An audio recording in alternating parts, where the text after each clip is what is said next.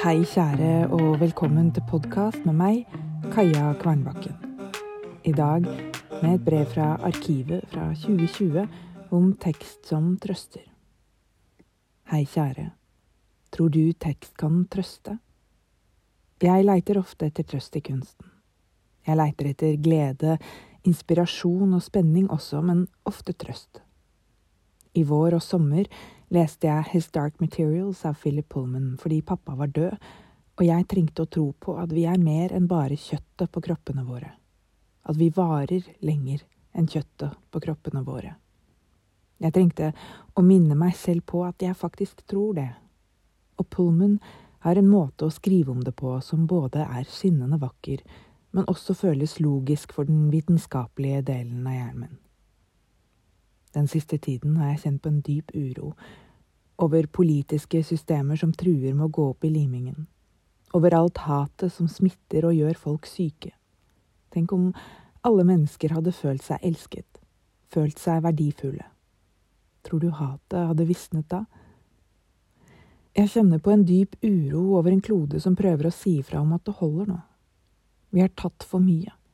Vi må klare oss med mindre. Den siste tiden har jeg forsøkt å døyve uroen, og jeg har lett i litteraturen etter noe som er godt, som kan trøste. Jeg vil ikke lese fiksjon. Jeg vil ikke lese tørr og stivbeint faktalitteratur. Jeg vil ikke lese sakprosa om alle måter ting går til helvete på, eller håndbøker om hvordan jeg kan fikse det. For jeg er sliten. Jeg vil bare omfavnes og holdes, jeg vil lese om hvor vakker naturen er, om at den omfavner og holder oss, hvis vi omfavner og holder den tilbake. Hvor kunne jeg finne det? Jeg tenkte på bøker jeg hadde lest før, Pondlife av Al Alvarez og en vakker memoarbok fra en norsk forfatter jeg ikke lenger husker navnet på, som skrev om livet i den store hagen og i skogen rundt hagen, om plommetreet som bar så mange frukter at det holdt på å gå under men jeg lette ikke etter gammel trøst, jeg lette etter ny. Jeg gikk langs essayhyllene på Deichman i Bjørvika, dro bøker med lovende titler ut av hyllene, satte dem inn igjen. Fant ikke. Så et glimmer av en tanke. Hadde jeg ikke hørt et intervju med en forfatter og botaniker i podkasten On Being? Robin Wall Kimmerer er botaniker og av Potawatomi-slekt. Hun har skrevet flere bøker, men Braiding Sweetgrass var lettest tilgjengelig, og jeg var desperat etter et tilfluktssted, så jeg tok det første og beste. Heldigvis var det akkurat det jeg trengte. Urfolksvisdom og vitenskap flettet sammen i språk og fortellinger som viser meg at det å klare seg med mindre er mer enn nok. At det er bedre. Jeg rugger. Sitter på benken foran skrivebordet og rugger. Rugg, rugg, rugg. Skriver og rugger.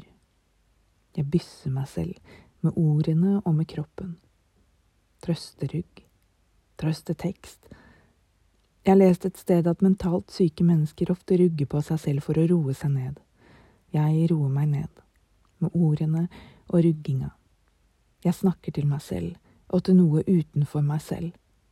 Jeg vil være ett med jorda og med teksten at de skal smelte sammen inni meg. Kanskje hjelper det å rugge, kanskje rister det delene på plass i meg. Tekst og jord i like store mengder. Hvor finner du trøst? I kjærlighet. Din Kaja. Forresten, setter du pris på denne podkasten? Gi den fem stjerner der du lytter til podkast, og del den med andre du tror vil sette pris på den. Det setter jeg pris på. Vi høres.